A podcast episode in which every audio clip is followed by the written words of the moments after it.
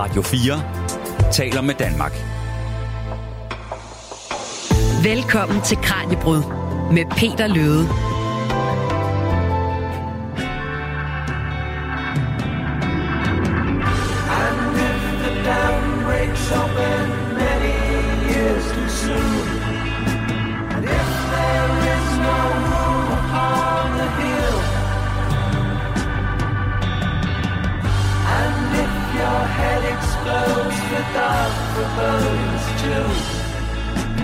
See you on the dark side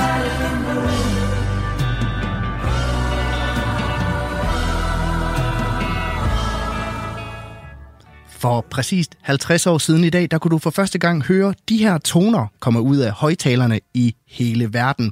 Det her det er selvfølgelig sangen Brain Damage fra engelske Pink Floyds legendariske album The Dark Side of the Moon, som jeg faktisk står med i hånden her på, på LP. Det kom nemlig på gaden for præcis 50 år siden i dag, den 1. marts 1973. I anledning af 50-års jubilæet, der ser vi i Kranjebrud i dag nærmere på lige netop The Dark Side of the Moon. Altså i virkeligheden. I dagens program, der handler det nemlig ikke så meget om pladen, men om månens reelle mørke side. Et område, der faktisk adskiller sig gevaldigt fra den side, vi normalvis ser på himlen, og som i århundreder har gemt på utallige hemmeligheder og været omgivet af stor mystik, og som altså også måske inspirerede Pink Floyd til at gå i studiet for et halvt århundrede siden. I dagens program, der vender vi altså blikket fra vinylpladen og op på nattehimlen og forsøger at forstå alt det på månen, som vi ikke kan se her fra jorden. Og hvis du sidder og ærger dig lidt over, at programmet rent faktisk ikke handler om pladen, øh, men om den reelle bagside, så bare rolig. Vi skal også nok komme ind på albumet i løbet af programmet, hvor vi selvfølgelig også skal høre nogle bidder fra nogle af de allermest kendte numre. Jeg hedder Peter Løde. Velkommen til Kranjebrud. Du lytter til Radio 4. I studiet i dag har jeg fået besøg af Ole Eggers Spjelle. Ole er museumsinspektør og astrofysiker ved Science Museerne på Aarhus Universitet. Velkommen til programmet, Ole. Tak for det, Peter. Nu, øh, nu starter vi med at høre en lille bid fra øh, The Dark Side of the Moon. Øh, og det, det er jo en af mine absolute yndlingsplader med, med, med Pink Floyd, kan jeg godt afsløre. Det er også en af, det, en af grundene til, at jeg, jeg inviterede dig i studiet. Det var lidt en undskyldning for os at få lov at snakke lidt Pink Floyd i, i et videnskabsprogram. altså, hvad er dit eget forhold til den her plade? Oh, jeg tror, jeg har det på samme måde som dig, Peter. Det er et fantastisk album, altså. Jeg tænker, det er 50 år, det er der værd at fejre. Det synes jeg helt bestemt. Jeg hører det, jeg hører det vældig tit, og jeg hører det også på vinyl. Det er også den måde, jeg synes, det skal høres på. Så lækkert album. Men det er noget med, at du også selv bruger den i, i din formidling, når du, Ja, når du arbejder på Science Museerne. Ja, fordi vi vil egentlig, uh, på, på øh, Science Museum, der har vi jo blandt andet et, uh, et planetarie. Mm. Og, og det vil sige, der kan vi vise stjernehimlen sådan i, under lidt mere kontrolleret forhold, når det, også når det regner og så videre, fordi det er indendørs. Og, uh, og der kan vi godt lide at, at give folk den her sådan lidt, det er nærmest en sendoplevelse at sidde under nattehimlen der i sådan helt mørke, kigge på stjernehimlen, og så lytte til noget god musik. Og hvad er bedre at høre end The Dark Side of the Moon? det er også en måde, de prøver at indoktrinere nogle, nogle ly, nye lytter til det her, det her album måske. Damn right. Hvad er, det, hvad er det, de kan? Altså, hvad er det for en lyd, de rammer, der er sådan for dig til at tænke på, på verdensrummet? Altså, jeg synes, der er en anden, der er en anden stemning. Altså, der er nogle af numrene, som, som har sådan en, en, en ro i sig. Mm. Og, og så skal kontrasten til, hvis man for eksempel begynder at spille time der med alle ugerne, der så begynder at ringe og så videre. Og, og det skærper bare på en eller anden måde sanserne. Det er i hvert fald min oplevelse, mm. at når man sidder på den måde, og er sådan helt koncentreret om at se på nattehimlen, så have det der lydbillede i baggrunden, det skærper bare en sanser på en virkelig fed måde.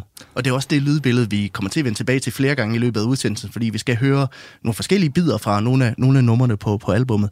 Nu, nu kan vi jo kun tale som, som fans. Der er jo ingen af os, der ved, ved så meget om musikvidenskab, men altså, hvad, hvad er det, det her album, det kan? Altså, hvorfor er det så fedt? Altså for mig starter det allerede på forsiden af den, altså der med prismid og det hele.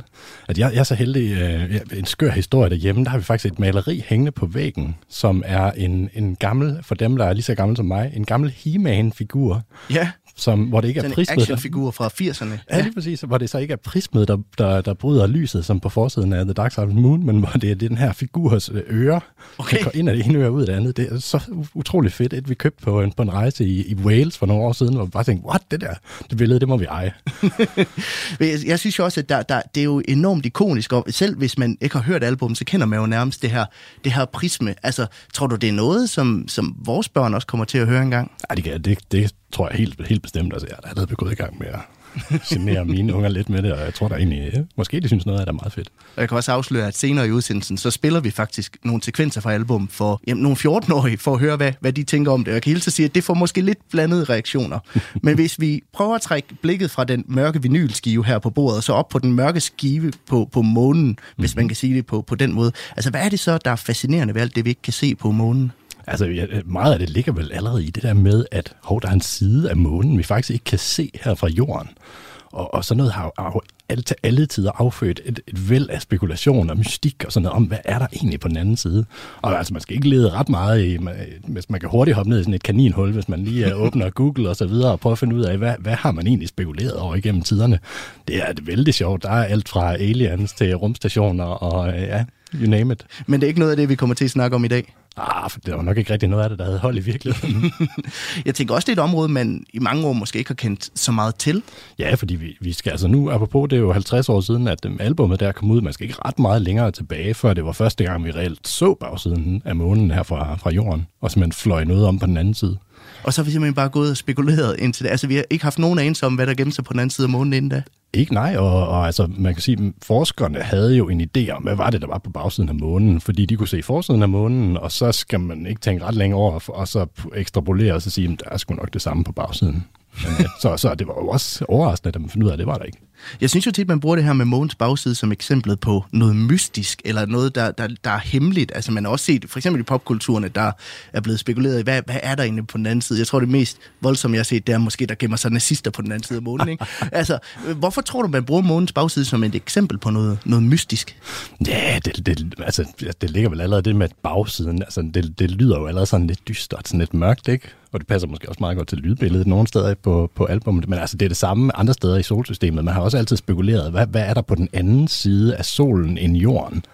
Der har der også altid været spekulation. Altså den direkte modsatte side? Den direkte modsatte side, der hvor vi ligger og bevæger os rundt, for der kan man jo heller ikke se over. Og så der har man også spekuleret, kan vide, om der er en planet derovre, eller sådan et eller andet.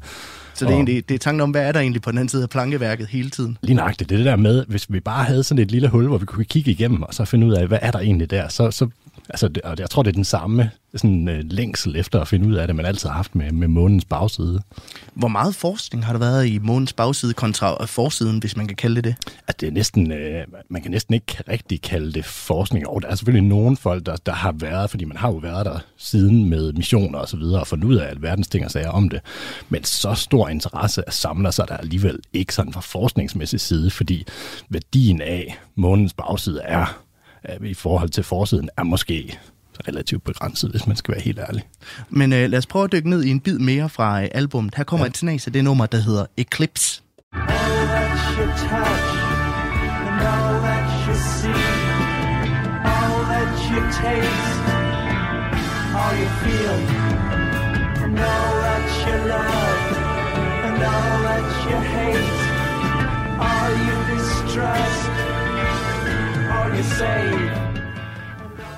Og titlen på det her nummer, det bringer os jo meget elegant videre til det næste, vi skal tale om, Ole. For lad os bevæge os over til at tale om, hvad månens mørke side reelt set er for et, et område. Fordi det dækker jo går ud fra 50 procent af månens overflade, sådan cirka. Mm. Men alligevel så er det de færreste, der ved, hvad der rent faktisk gemmer sig domme. Og du har taget en kan man kalde det en globus, når det er månen, den, den Ej, beskriver? Ja, det kan vi godt. Vi kan kalde det en måneglobus. Jeg har taget en måneglobus med.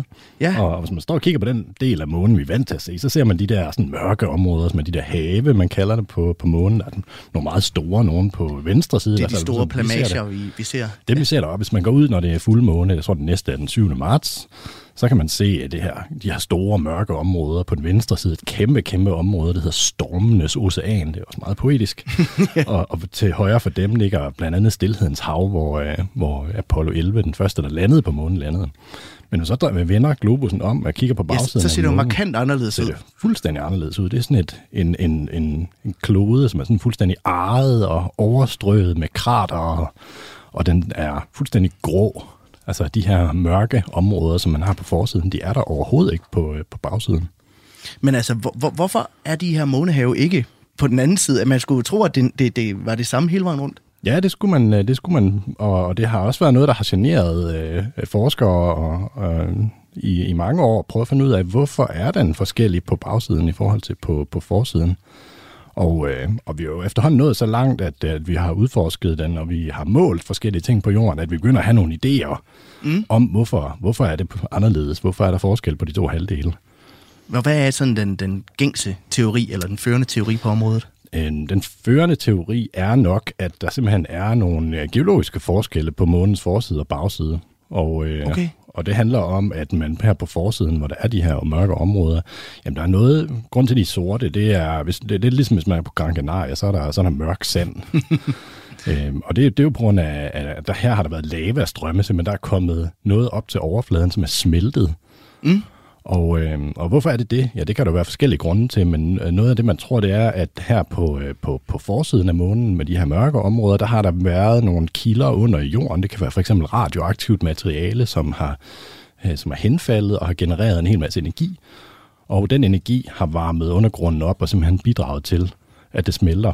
Men altså, det er ikke det eneste, øh, som formentlig ikke det eneste, der kan forklare det. Nej, hvad er der ellers af, af, af, af forklaringer på det?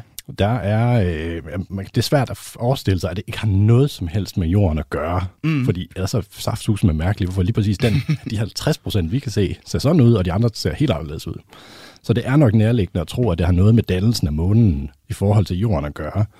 Og man forestillede sig, at, det har no- at hvis vi kigger sådan helt tilbage til dengang både månen og jorden blev dannet, øh, solsystemet var meget ungt, så har der nok været en ret stor overskudsvarme fra jorden, Ja, som sådan har, øh, har bidraget til at opvarme øh, månesiden, og, og på en eller anden måde har forstyrret den så meget, at tykkelsen af skorpen måske har været anderledes. Det kan være, at den varme fra jorden ligesom har bidraget til at stribe nogle af de her lag af, af overfladen, eller måske bare varme dem op, så de ikke størknede. Og, øh, og hvis man forhindrer dem i at størkne, så kan det være, at det betyder, at skorpen er blevet tyndere her på forsiden. Og det kan måske forklare, hvorfor det er nemmere for materiale fra undergrunden at bryde igennem overfladen men hvis vi kigger om på den anden side, så, så er der jo, som vi talte om før, enormt mange krater på bagsiden. Hvis, jeg ved ikke, om vi skal kalde det for bagsiden, eller om vi skal kalde det for den side, vi ikke kan se, fordi der er vel ikke nogen for- og bagside på sådan en. Men, men lad os kalde det bagsiden. Altså, der er jo enormt mange krater. Hvad kommer de fra? Kraterne her, de stammer fra, øh, fra store sten, der simpelthen er pløjet ned på, øh, på månens overflade. Og de fleste af de her krater er rigtig, rigtig gamle. Altså, de er formentlig omkring 4 milliarder år gamle, så det er nogle, Hold der har op. været der sådan relativt lang tid.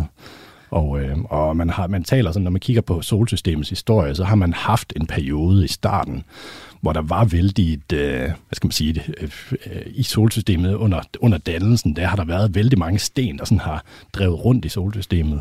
Og de sten har sådan stille og roligt banket ned i alle de øh, planeter og måner, der er. Og de steder, hvor der så ikke har været forskellige processer, der ligesom går fjernkraterne igen, der er de der simpelthen bare stadigvæk. Og det ser man flere steder, øh, ikke bare på månen, men også for eksempel på planeten Merkur, den er også fuldstændig overstrøget med, med krater som dem her.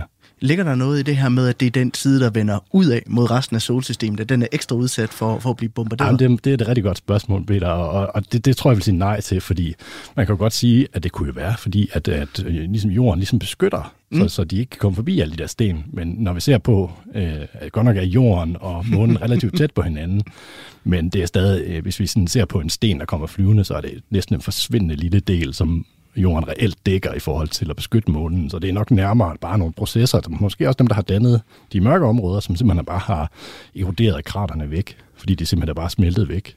Og øh, jeg kan jo ikke lade være med at kigge på den her globus, og så se, at der står enormt mange små stednavne. Altså, der er enormt mange punkter, der er markeret. Altså, hvad er de mest interessante områder på, på, på bagsiden af månen? Ja, det hele har navne. Ja. Og, øh, og mange af navnene her nu, de første, der opdagede bagsiden, var, øh, var russerne.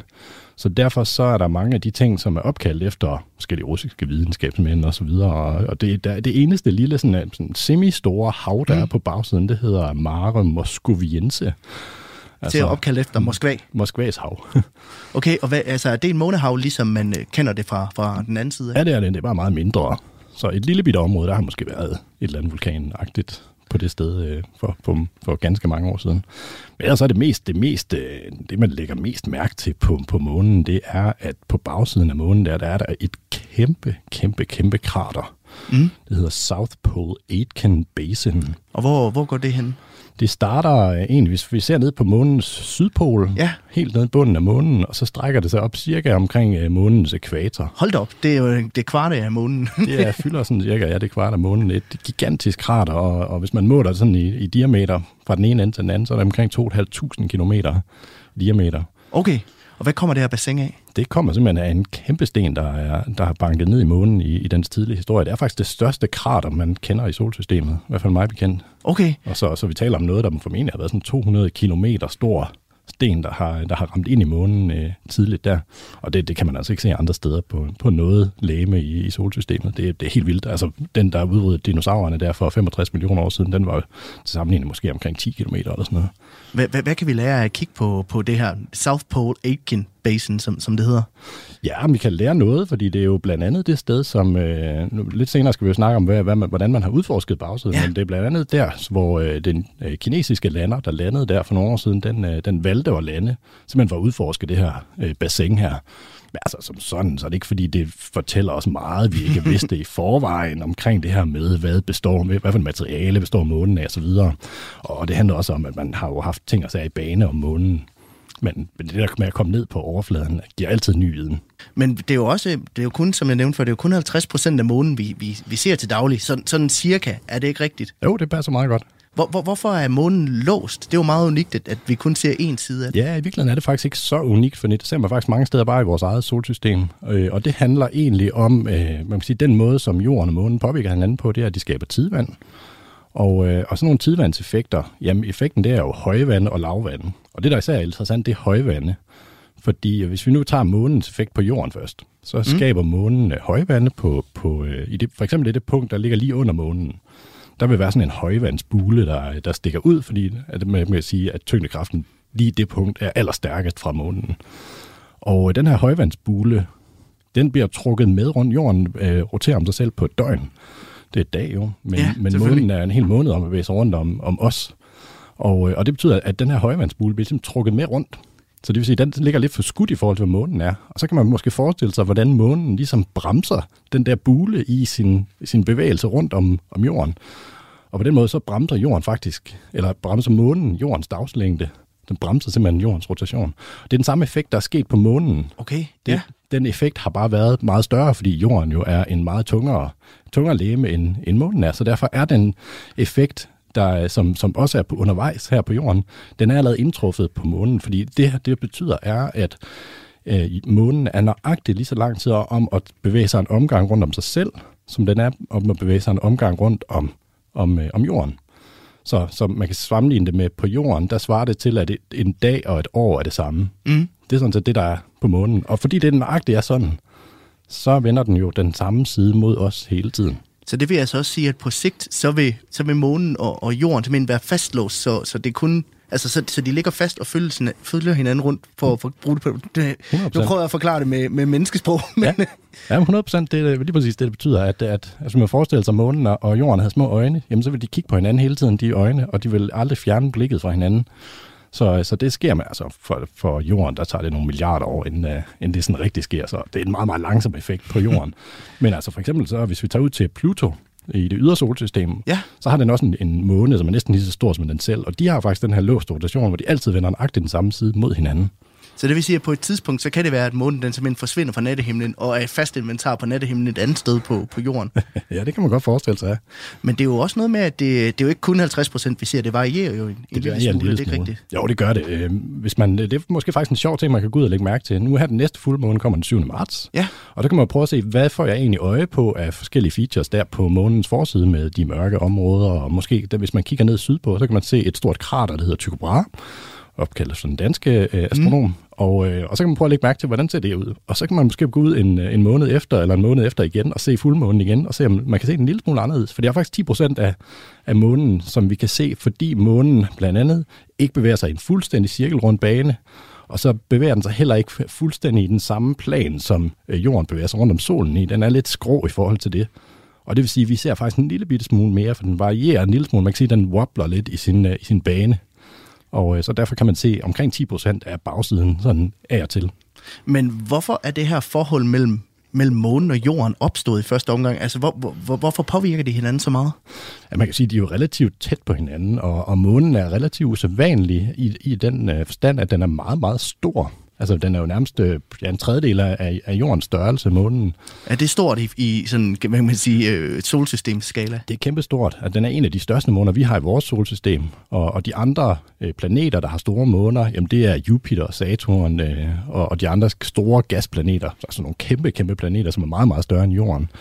Så det at have en planet, der er næsten lige så stor som sin måne, eller omvendt, det er, det er faktisk ret unikt. Og det, det tyder også på, at månen nok er skabt ved en eller anden relativt unik begivenhed. Og, og der taler man om, at månen formentlig er skabt ved et eller andet stort, øh, tidligt sammenstød i, i øh, solsystemets historie, hvor, hvor i det, det, der engang var jorden, er nok er stødt ind med en planet, måske på størrelse med Mars. Og det simpelthen har, de har smeltet hinanden fuldstændig, og så er de blevet til jorden og månen. Okay. Nu, nu talte vi også om før, eller jeg, jeg talte om det her med, at man kan måske ikke rigtig tale om en forside og en bagside i forhold til månen, men altså, det er også noget med, at det ikke rigtig giver mening at gøre som Pink Floyd og kalde det for månens mørke side. Er, er, er det ikke rigtigt forstået, fordi der er ikke så mørkt på den anden side? Nej, det er lige så mørkt som øh, på, man kan sige, det der, det der er med, med månen, det er jo, at den bevæger sig rundt om jorden. Mm. Og, øh, og på jorden, der, der ser vi jo solen på forskellige steder.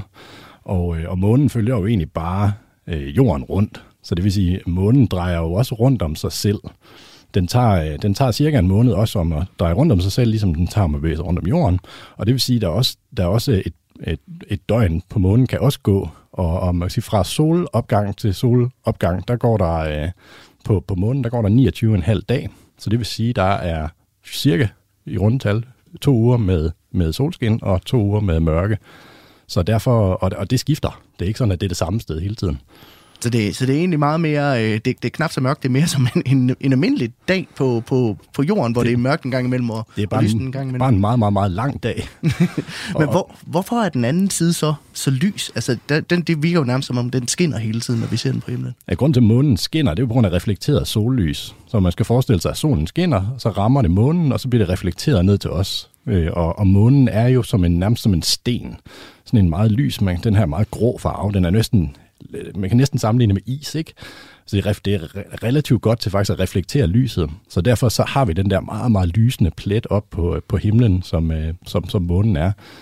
Så, så, så det er egentlig øh, i, i, i gåsøjne bare reflekteret sollys, som, øh, som rammer månen. Men altså, der, der er også noget af det, månen absorberer jo også det her sollys, mm. og man kan forestille sig, hvis man stod der på månen, hvor den vender den samme side mod solen i 14 dage, ja, så kan man måske godt forestille sig, hvilken st- hvor stor en varmepåvirkning det egentlig er. Altså jorden roterer jo hurtigt, derfor fordeler den varme meget effektivt. Det månen gør månen jo ikke, og derfor så er der faktisk omkring 100 grader varme på, på, på en dag sådan, øh, på månen. Og øh, fra månens mørke side, så rejser vi nu for en stund til The Dark Side of the Moon. For nu hvor Pink Floyds album har 50 år på banen, så skulle man måske tro, at albummet har haft sin storhedstid. Om lidt så spiller vi albummet for en gruppe folkeskoleelever og hører, hvad de tænker om den musik, som deres far, eller måske endda deres øh, bedstefar, hørte, da de var unge. Radio 4 taler med Danmark. For her i Kranjebrud, der kunne vi jo ikke dyre os for lige at lave vores eget lille eksperiment. Vi har testet, hvorvidt at Pink Floyds album Dark Side of the Moon stadigvæk holder her 50 år efter udgivelsesdatoen. For hvad tænker ungdommen egentlig om den her halvgamle musik? Vi har spillet to af numrene fra albummet for tre unge mennesker og en far ved navn Barbara, Viola, Ada, der alle sammen er 14 år, og Thomas på 52. Det er vores erhvervspraktikant Frida Denker, der har stået for interviewet i samarbejde med min kollega Kasper Fris. Og lad os høre, hvad de fire de tænker om to numre fra albummet, dem der hedder Time og Money.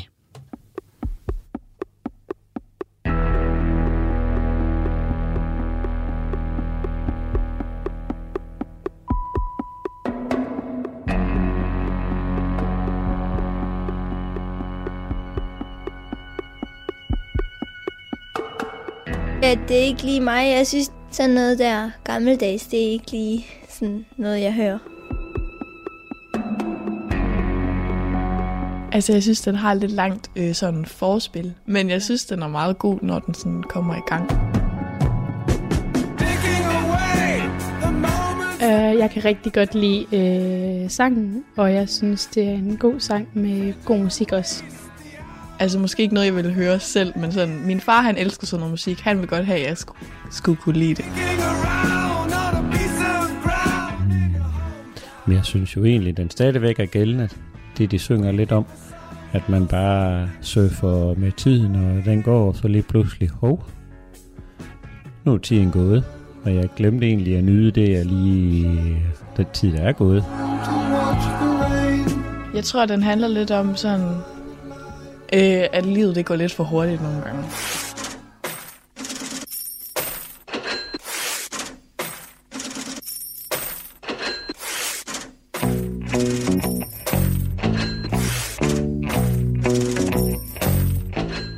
Kan rigtig godt lide sangen, og især bassen i Money.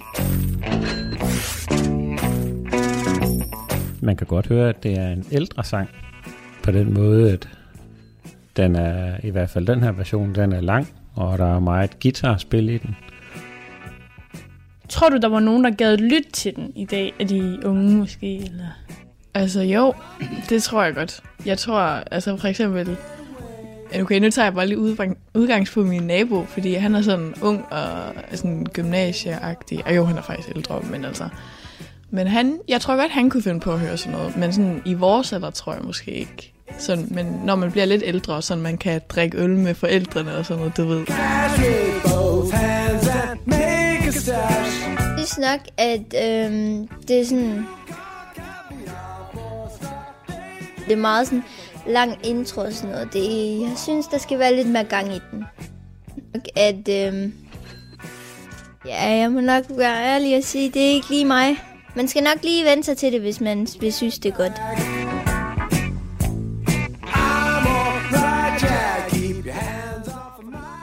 Jeg tror ikke, at det passe. De er måske 40 år gamle, 30 år gamle sangene.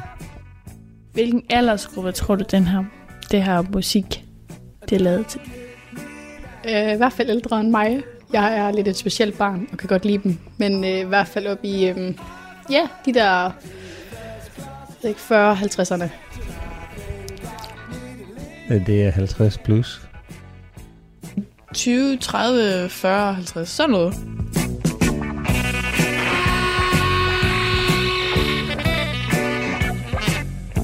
Altså, jeg tror helt klart, at hvis melodien er fin nok, hvis det bare var for eksempel en anden, der sang en mere kendt, for eksempel som Rihanna eller Justin Bieber eller sådan noget.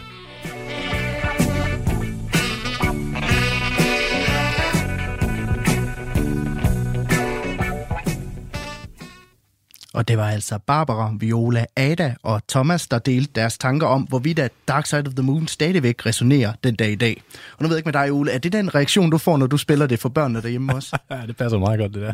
den der med, det er, det er noget, far han lytter til en gang imellem. Ja, men vi har sådan en god, vi har sådan et godt, et godt term for sådan noget lidt Zeppelin, Pink Floyd og så videre. Det er gammeldags rock. det kan selv min uh, dreng på fem, det kan han, han, han er måske den, der sådan mest uh, tænder på sådan noget, så det er faktisk meget fedt.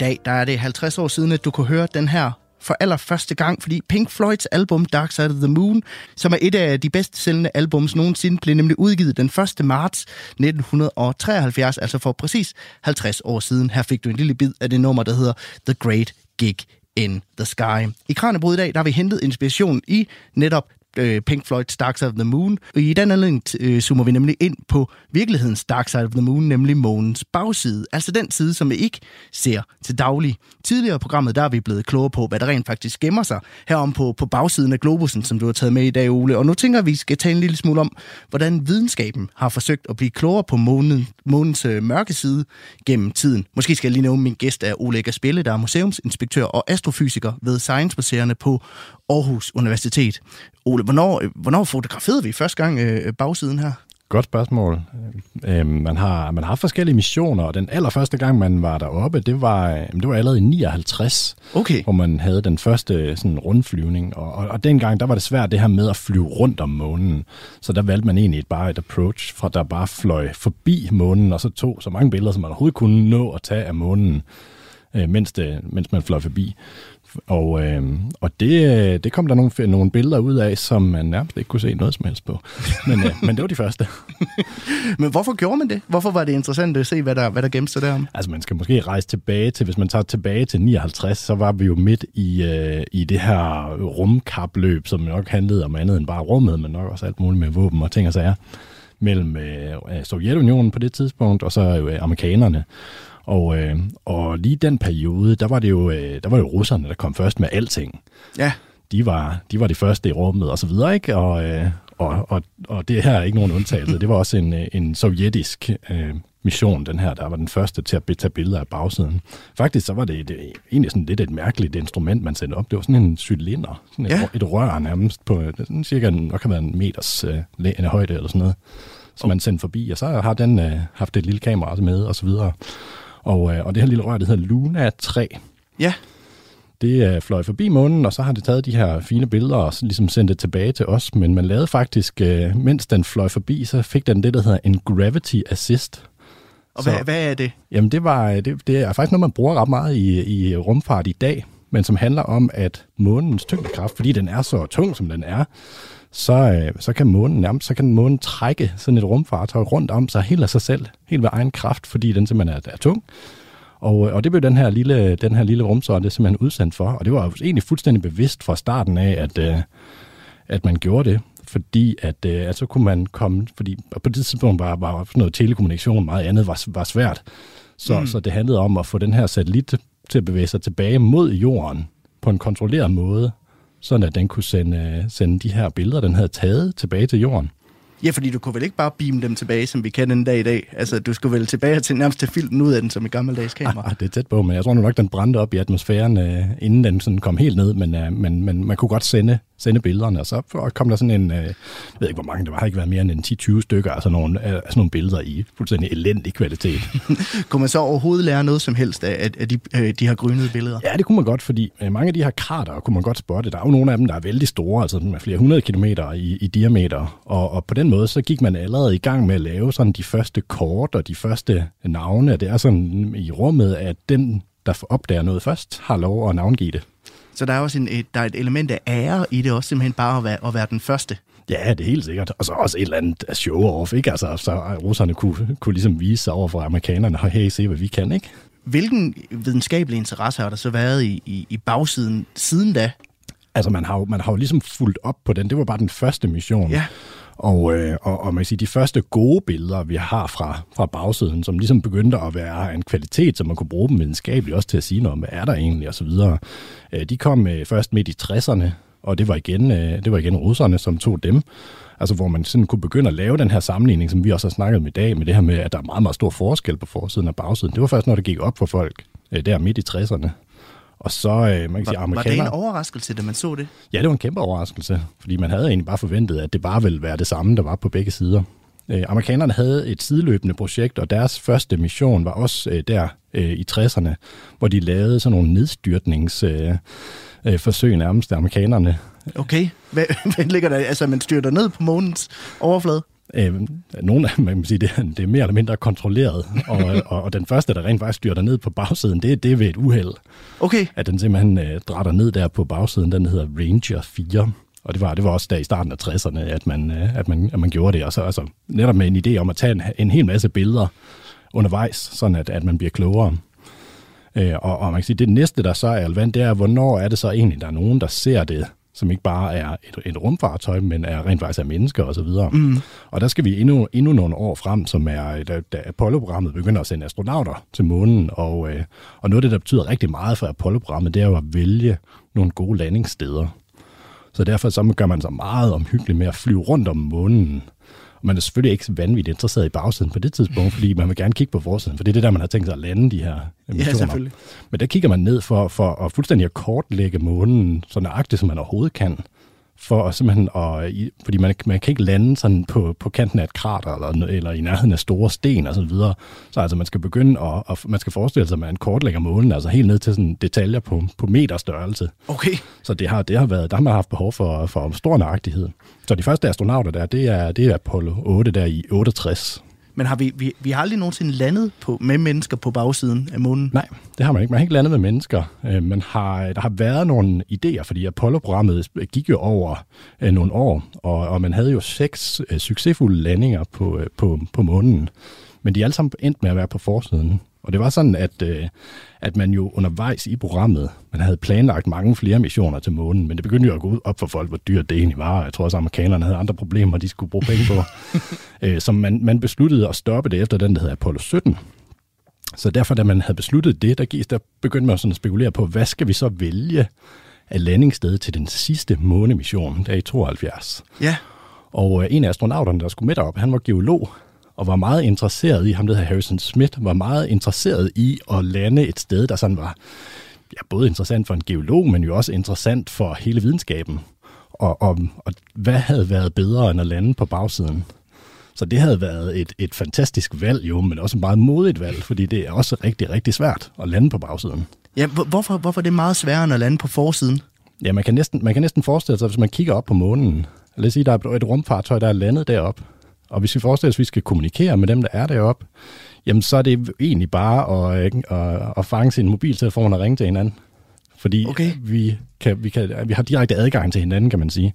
Hvis vi lander på bagsiden, så skal vi have noget andet til at sende signalet videre.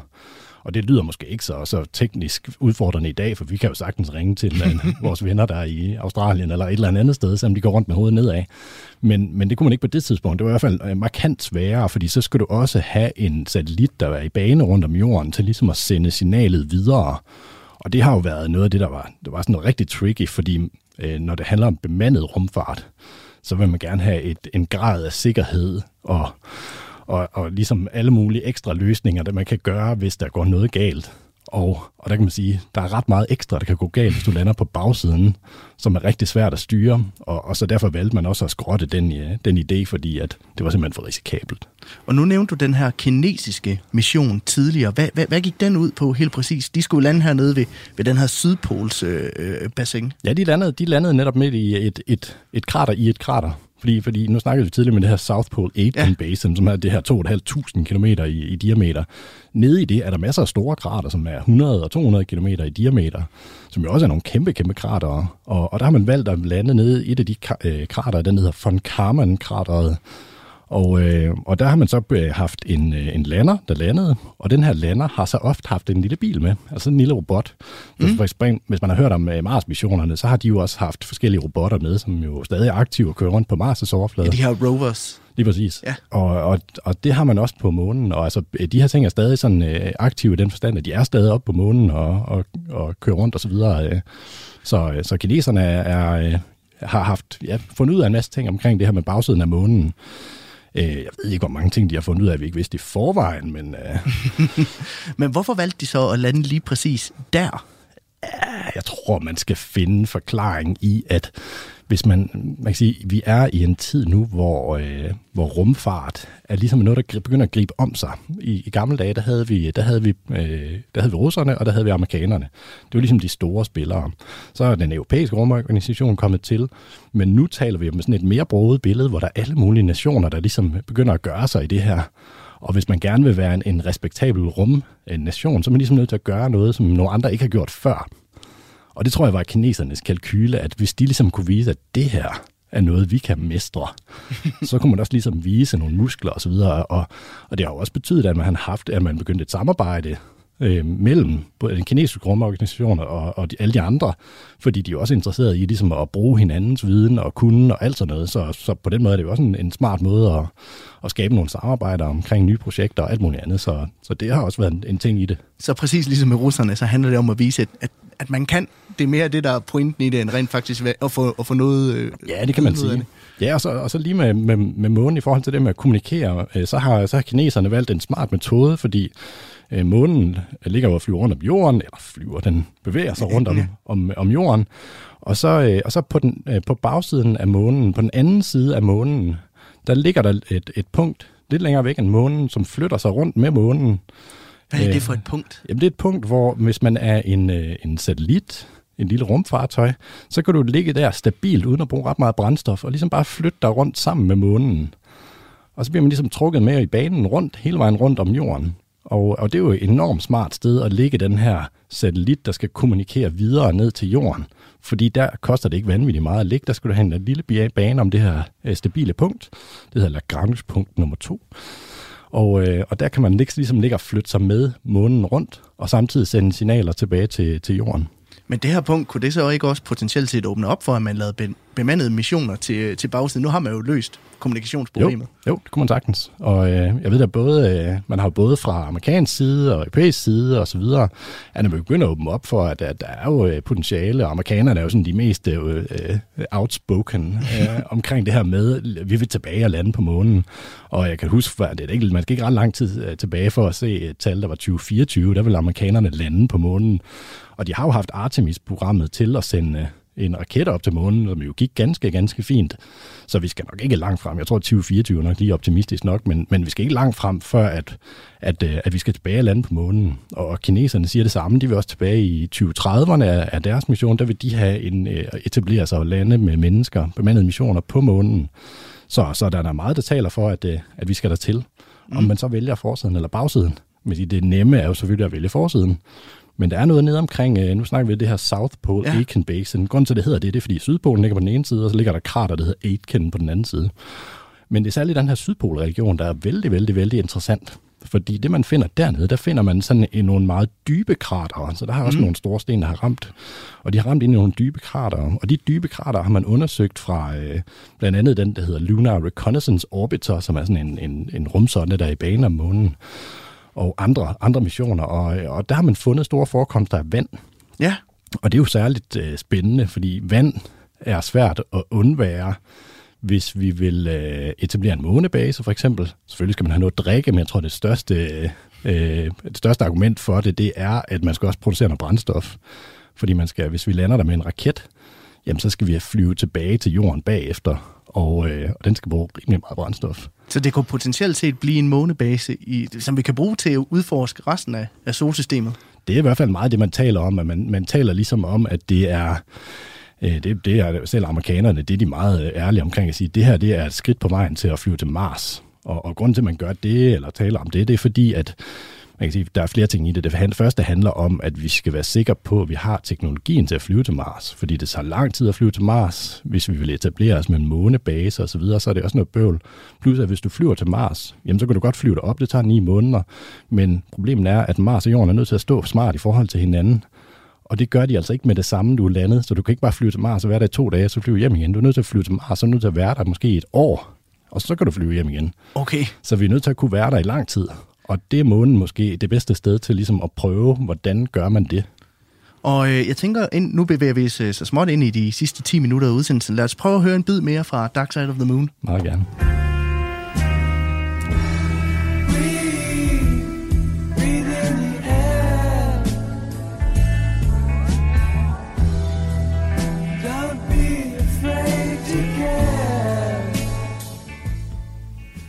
Og Ole Eger Jeg tænker, vi skal blive lidt ved den her fornyede interesse, der er for, for månens bagside fra, fra mange parter. Øh, måske skal jeg lige nævne, at det vi hørte en snas af her, det var nummeret Breathe fra Dark Side of the Moon, som er lavet af Pink Floyd, fordi det er jo det, der er anledning for, at vi taler om øh, månens bagside i dag. Men det er også noget med, at man inden for de seneste år har fået en interesse for det, der hedder helium-3 er det ikke rigtigt? Jo, det, man, har, man har egentlig talt om det sådan i, i, i mange år, som, som, fordi der er mange, der ser månen også som måske et industrielt eventyr, altså man tænker på sådan noget mineoperation og alt muligt andet, fordi man finder jo rigtig mange forskellige elementer på månen, som er spændende, og som måske ikke findes i helt samme grad på, på jorden. Og øh, helium-3 er et godt eksempel på det, fordi øh, helium-3 øh, er et meget let grundstof, øh, det er sådan, at det letteste grundstof er, det er hydrogen, og det næstletteste, det er helium. Mm. Og helium består normalt af øh, to protoner og to neutroner. Det er altså det, der er inde i kernen af en helium. Men, øh, men der, for, der findes, også, det findes også i en variant, der hedder helium-3, hvor der simpelthen er en neutron mindre. Og, øh, og, og helium-3 er smart, fordi det kan bruges i fusionsreaktorer. Måske man kan huske, at man, ja, hvad det er et halvt års tid siden, eller så kom med et, et relativt stort gennembrud inden for den øh, øh, teknologi, der hedder netop fusionsreaktorer. Og det er jo sådan, at, at det er jo en teknologi, som, øh, som vi har haft svært ved, men som jo foregår i solen hele tiden. Altså fusion, det er det, der gør, at solen producerer energi. Inde i midten af solen, der mødes øh, protoner, altså sådan nogle positivt ladede kernepartikler, de mødes, banker ind i hinanden og bliver af nogle forskellige øh, processer bliver til helium, og det genererer en enorm mængde af energi. Og det er vældig, vældig vedvarende, mm. og det er bæredygtigt og alt muligt andet, fordi øh, man kan sige, alternativet, som vi blandt andet bruger i dag, det er jo fission, altså hvor vi spalter radioaktive ting, og det har alle mulige øh, konsekvenser indimellem, sådan nogle øh, ting, der løber løbsk og så videre, øh, radioaktivt affald og så videre. Og, øh, og det vil man jo gerne undgå. Og der kunne man sige, det kunne måske være et, et eventyr. Men, øh, men det der er altså særlig meget af på bagsiden af, af månen, hvordan ved vi det? Ja, det, det ved jeg, der er lidt mere. Og, og når vi siger, der er særlig meget, så lyder, så lyder det ret voldsomt. Det er måske øh, en journalistisk stramning. Ja, og lidt. Altså, der er, øh, hvis man sådan øh, i, i rundetal, hvis man tager en god chunk af, af månejord på sådan omkring, lad os sige, 150 ton, så øh, vil man finde cirka 1 gram af det her helium Okay. 3. er det meget mere end på jorden? Ja, det er lidt mere, ja. men, men altså, det er meget, meget, meget lidt. Og, og, og det betyder jo også, at hvis man skal gøre det, så skal det virkelig være skaleret kæmpestort op. Så skal du have rigtig, rigtig meget produktion af det, fordi ellers er det alt, alt, alt for dyrt. Altså man kan forestille sig, at man skal rejse til månen. Vi skal have nogen, der graver efter det her. Vi skal, øh, vi skal isolere det ud af det her månemateriale, og vi skal fragte det tilbage til jorden. Men det skal, det skal dele med give meget gevinst, før at det, øh, det kan betale sig. Og nu er vi det her med at udnytte månens altså naturressourcer. Jeg, jeg, jeg tænker måske, det ikke lyder som verdens bedste idé. Altså man kan jo bare se her på jorden, hvad det er at udnytte naturressourcerne er ført til. Altså er det noget, man bør kaste ud i, eller bør vi bare holde os væk? Altså, der er masser af sjældne jordarter på, på månen, og, og månen er jo lidt forskellig fra, fra jorden, fordi vi, øh, vi har jo et, et kraftigt magnetfelt, som gør, at vi er ret beskyttet fra... Øh, det er sådan, at der kommer en masse stråling fra, øh, fra solen, solvinden, og den er vi sådan rimelig fint beskyttet fra, fordi vi sidder derinde bagved mm. i vores øh, lille osteklokke. Helt den samme beskyttelse har, har månen ikke, så derfor har månen i højere grad været udsat for sådan et bombardement af alt muligt. Så man finder ret mange interessante sådan elementer på, øh, på jorden, og blandt andet det her blandt andet det her helium-3, så, så det er derfor, den har en vældig anden, en, en anden form for geologi der i, i, i skorpen, månen, og, og det kunne man godt bruge til noget. Altså vi begynder måske også på et tidspunkt at løbe tør for ting og sager her, og hvem ved? Så må vi jo finde det andre steder. Det er også noget med, at man på et tidspunkt snakker om at etablere et, et radioteleskop om på den anden side, er det ikke rigtigt? Jo, det er sådan en, det er sådan en rigtig sjov øh, idé, og, og det er jo faktisk den, den kinesiske lander, der er deroppe, den, har, den, har, den, den kører ikke bare rundt for at blære sig med, at den kan lande på bagsiden, den kører også rent faktisk rundt med nogle forskningstanker, og, og det handler blandt andet om sådan noget med at undersøge, hvad er der i jorden, og hvad er temperaturen, og så videre. Øh, men det handler også om at prøve radiokommunikation, eller radioastronomi i virkeligheden, fordi du er jo et sted, hvor for eksempel jorden ikke generer dig, fordi den, den er ikke øh, i syne, så du, du er forholdsvis beskyttet fra, fra jorden og alt muligt støj, der kunne komme derfra. Så derfor vil det være smart at bygge et stort radioteleskop. Øh, med radioteleskoper er det sådan, at jo større du bygger den, jo mindre ting kan du, øh, kan du se på, på himlen, og det vil sige, at du kan i virkeligheden se noget, der er vældig, vældig langt væk. Måske der er, eller, eller vældig småt. Måske der er nogen, der kan huske det der billede, der var et sort hul, der har været, der har været både et i, et, en anden galakse, ja. og så vores i Mælkevejsgalaksen, som er jo lavet sådan et kæmpe samarbejde af forskellige radioteleskoper på månen kunne vi måske udnytte et af de her kæmpe store krater, og så ligger simpelthen ligge sådan en, en, en, en skive, sådan en, en radio øh, parabol ned i et af de her kæmpe, kæmpe krater, og så måske lave sådan et flere hundrede kilometers øh, radioteleskop. Det, det kunne være spændende. Det er sådan næsten associationer til dødstjernen fra Star Wars, eller noget i den stil rent visuelt. Ja, det gør det lidt. Tror du, der i fremtiden kommer til at være en, en fornyet interesse i, i bagsiden på månen? Ja, ja det, det, det vil jeg tro. Altså, jeg tænker egentlig, hele månen kommer til at være interessant. Altså, man har jo også planen om at lave en, øh, ligesom vi har den internationale øh, rumstation, der, der kredser rundt om, om jorden, så kommer vi til at have en, en, en rumstation, i hvert fald i, i, i tankerne lige nu, og i planlægningen, som øh, Øh, hedder Lunar øh, Gateway, som simpelthen kommer til at bevæge sig rundt om månen. Og den har jo direkte adgang til at kommunikere både med forsiden og bagsiden. Så man kan sige, alt afhængig af, om vi er interesseret i det ene eller det andet, det er sådan set ligegyldigt. Øh, så derfor kan vi lige så godt lande på bagsiden som på forsiden. Så hvis der er nogle argumenter for det, så, og det kunne for eksempel være det der forskningsmæssige at undersøge, hvad er der der på, på bagsiden, og måske også, nu snakkede vi om tidligere med det der med, at vi har nogle teorier for, hvorfor månen er forskellig på forsiden og bagsiden, men det kunne jo være noget, man kunne finde endnu bedre evidens for og beviser for, hvorfor er der den forskel. Det bliver simpelthen alt, hvad vi når i dag, Ole Eggers Bjelle. Jeg kunne godt tænke mig at høre her til sidst, øh, hvis du skulle anbefale et nummer fra Pink Floyd's Dark Side of the Moon, for dem, der måske ikke lige lytter til Pink Floyd til daglig, det kunne være nogle af de 14-årige, vi talte med før. Hvad skulle det så være for et nummer? Altså, jeg tror, at mit yndlingsnummer, det er helt klart uh, Time. Det synes jeg er så mega fedt et nummer. Det starter med de her klokker, der ringer og sådan noget. Det lyder mega, mega fedt. Og, og jeg synes også, der er faktisk en lille passage af det, som jeg måske have, uh, øh, gerne vil, hvis jeg nå det, alligevel uh, øh, læse højt. Fordi uh, de synger, And you run and you run to catch up with the sun, but it's sinking and racing around to come up behind you again. The sun is the same in a relative way, but you're older, shorter of breath, and one day closer to death. Det synes jeg, det er fedt. Skal vi så ikke slutte programmet af med at høre den bid fra, fra sangen? Fremragende idé.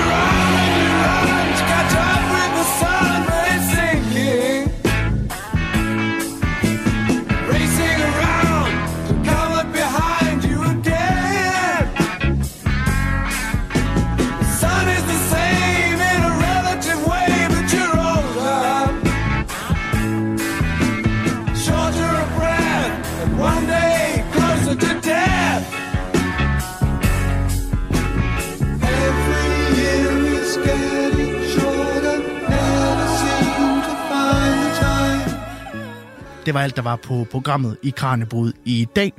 Programmet er produceret af Videnslyd for Radio 4. Nu er det tid til nyheder.